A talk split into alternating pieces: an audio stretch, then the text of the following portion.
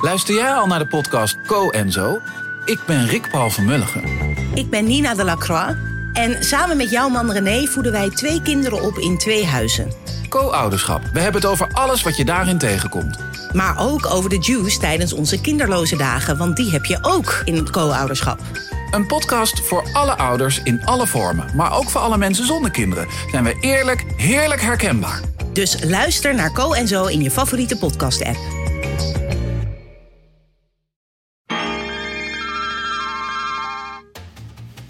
Op 29 januari 2017 organiseren we in de Kleine Comedie in Amsterdam het eerste Echt Gebeurd Gala. Een feestelijke avond vol verhalen om te vieren dat Echt Gebeurd bestaat. Maar ook omdat we in de toekomst willen blijven bestaan.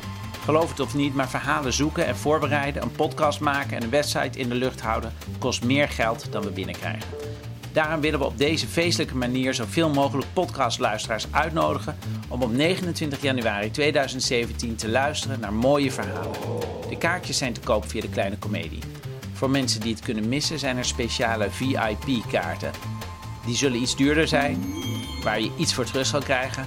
Maar het is vooral bedacht om mensen te helpen die ons willen helpen in de toekomst meer mooie verhalen te maken. Zet het dus in je agenda. 29 januari 2017. Het Echt Gebeurd Gala in de Kleine Comedie in Amsterdam. Houd onze website en de nieuwsbrief in de gaten voor meer informatie. En dan nu de podcast.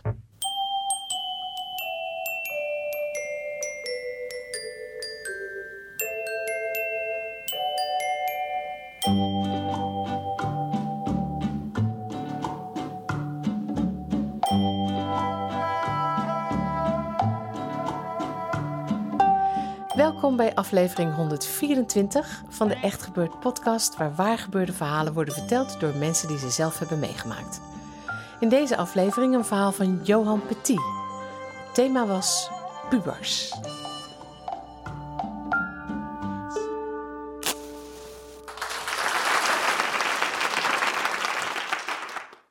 Uh, goedenavond allemaal. Uh, uh, ja, ik kom dus een, een verhaal vertellen uh, over hoe, ik, hoe ik was. ik kom uit Antwerpen, dat zult al horen, dus uit België.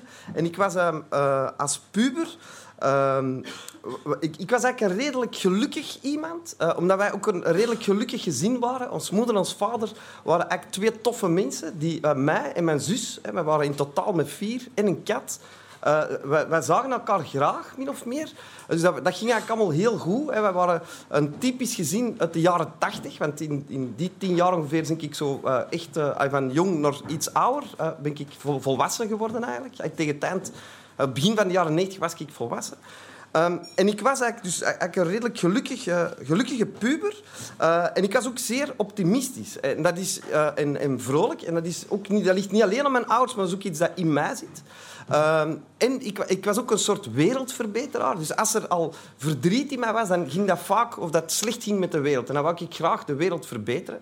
Um, en een van mijn grote helden, dat was Freek de Jonge omdat die, uh, ik luisterde naar al die zijn platen, die waren helemaal tot in België geraakt. Uh, en, in deze, en wat ik zo straf vond aan deze verhaal, dat was dat hij precies het antwoord had. Dus, uh, want ik was ondertussen ook tegen mijn 15 geloofde ik niet meer in God. En, maar Freek de Jonge die had een soort antwoord. Die wist eigenlijk hoe dat het helemaal met de wereld... En als iedereen zou doen, gelijk als Freek de Jonge, als iedereen daar naar zou luisteren, dan zou alles goed komen. En dat wou ik eigenlijk ook... ik wou dat, ook dat het goed ging met de wereld. En, en, ik dacht ook dat dat wel ging lukken. Uh, en, en dat, was eigenlijk, dat was wat ik wou doen in het leven. Ik wist niet juist wat, maar ongeveer de wereld beter maken. Uh, nu, uh, toen ik een jaar of 16 was, toen kreeg ik op een bepaald moment een cassetje in handen met zo'n een, een conferentie van Freek de Jonge.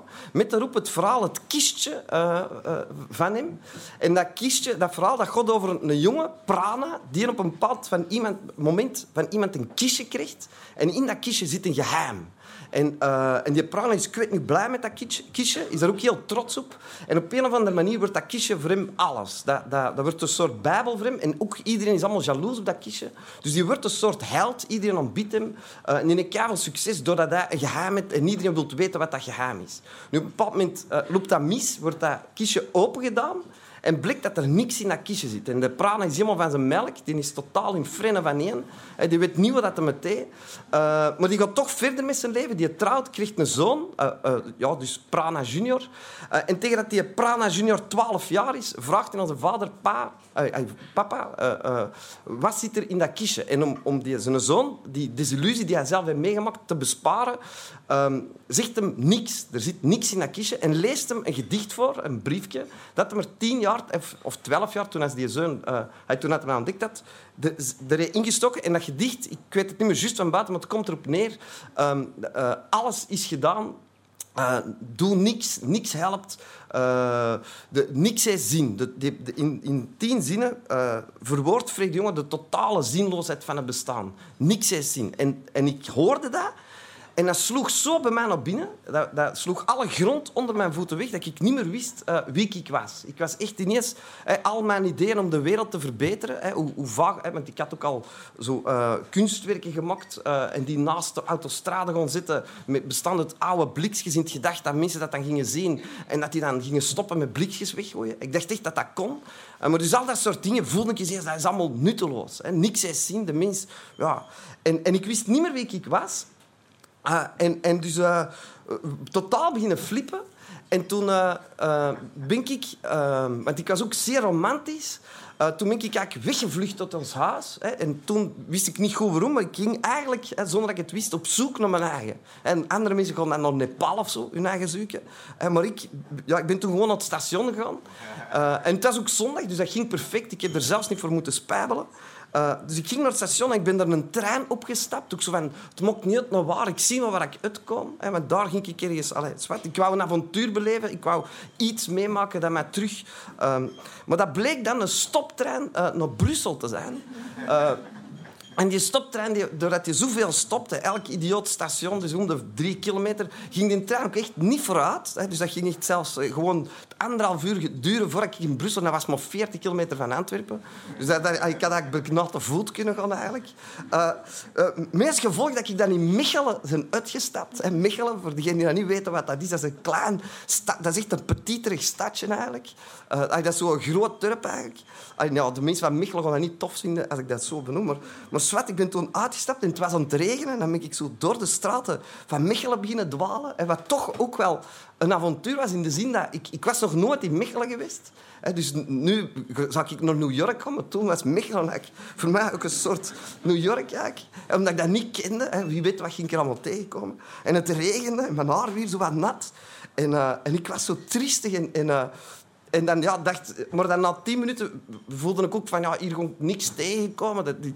Dus dan, dan ben ik uiteindelijk een kerk binnengestapt, omdat die open was. Dus, die was dus ja, ik liep er binnen. En wat bleek, die kerk was helemaal leeg. Die was uh, helemaal leeg. Dus ook, was, ook had zo rondgekeken, niemand gezien. En dan ben ik, romantisch en, en uh, als ik was, ben ik op, op, op het op het altaar, echt in het midden van die kerk gaan zitten. Met, en, met mijn bungelende beentjes in de lucht heb ik toen als, als een soort van antwoord op, uh, op Freek de Jonge gedicht zelf ook een gedicht uh, gemaakt. Uh, en ik heb dat dan in mijn kop, hè, want ik had geen big bij. Dus ik heb dat gedicht ook ineens van buiten geleerd. Hè, want ik, kon dat wel, ik moest dat ook onthouden, want anders had ik het wel gemokt, maar dan kon ik het dus... Dus ik moest dat onthouden. Dus ik was dat aan het leren en ontschrijven tegelijk. En, uh, en dat was een gedicht in het Engels. Hè. En mijn Engels was toen ook nog niet zo goed. En pas op, ik was mezelf ervan bewust. Dus ik wist, mijn Engels dat klopt niet. Dat klopt grammaticaal, betekenisdingen klopt allemaal niet. Maar, maar ik wou dat toch per se in het Engels doen. En dus als je, uh, je moet er, daarom ook niet per se dat verkeerd verstaan. Je moet proberen het juist te verstaan, ook al heb ik het verkeerd gezegd. Maar dat gedicht, ik ken het nog altijd van buiten, dat gaat als volgt. Um, uh, what's the sense of being if I tomorrow die. Being sense is ugly, reason's just a lie. This song is only living as creature of my mind, unnecessary thinking, cause nothing will be found. I keep walking round in circles, I'll starve if I don't lie.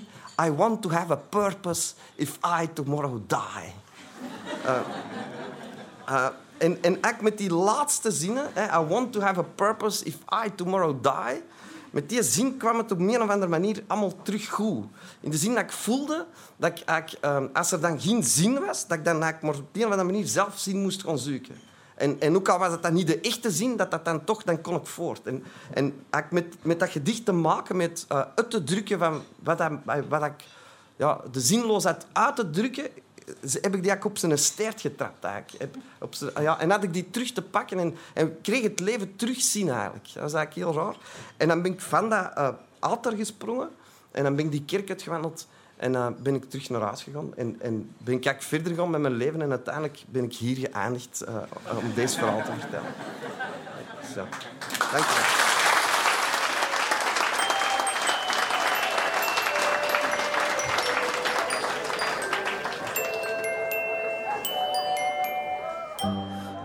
Dit was Johan Petit. Hij komt uit België, maar dat had je vast al gehoord. Hij is acteur en hij maakt cabaret. De Echt Gebeurd podcast wordt maandelijks opgenomen in Toembler onder het Hilton Hotel in Amsterdam. Heb je zelf een bijzonder verhaal of wil je voorlezen uit je puberdagboek? Laat het ons dan weten op www.echtgebeurd.net. We helpen je van tevoren met vertellen.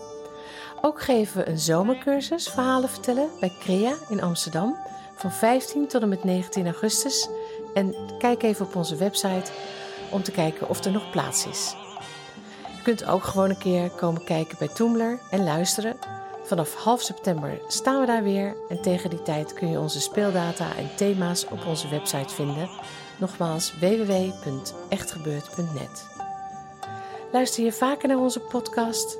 Je kunt ons helpen door ons te liken op Facebook ons te volgen op Twitter of door ons te raten op iTunes. Hoe meer mensen van ons weten, hoe meer verhalen wij kunnen laten horen. De redactie van Echt Gebeurd bestaat uit Micha Wertheim, Pauline Cornelissen, Rosa van Toledo en mijzelf, Eva Maria Staal. De techniek is in handen van Nicolaas Vrijman. Bedankt voor het luisteren en tot de volgende podcast.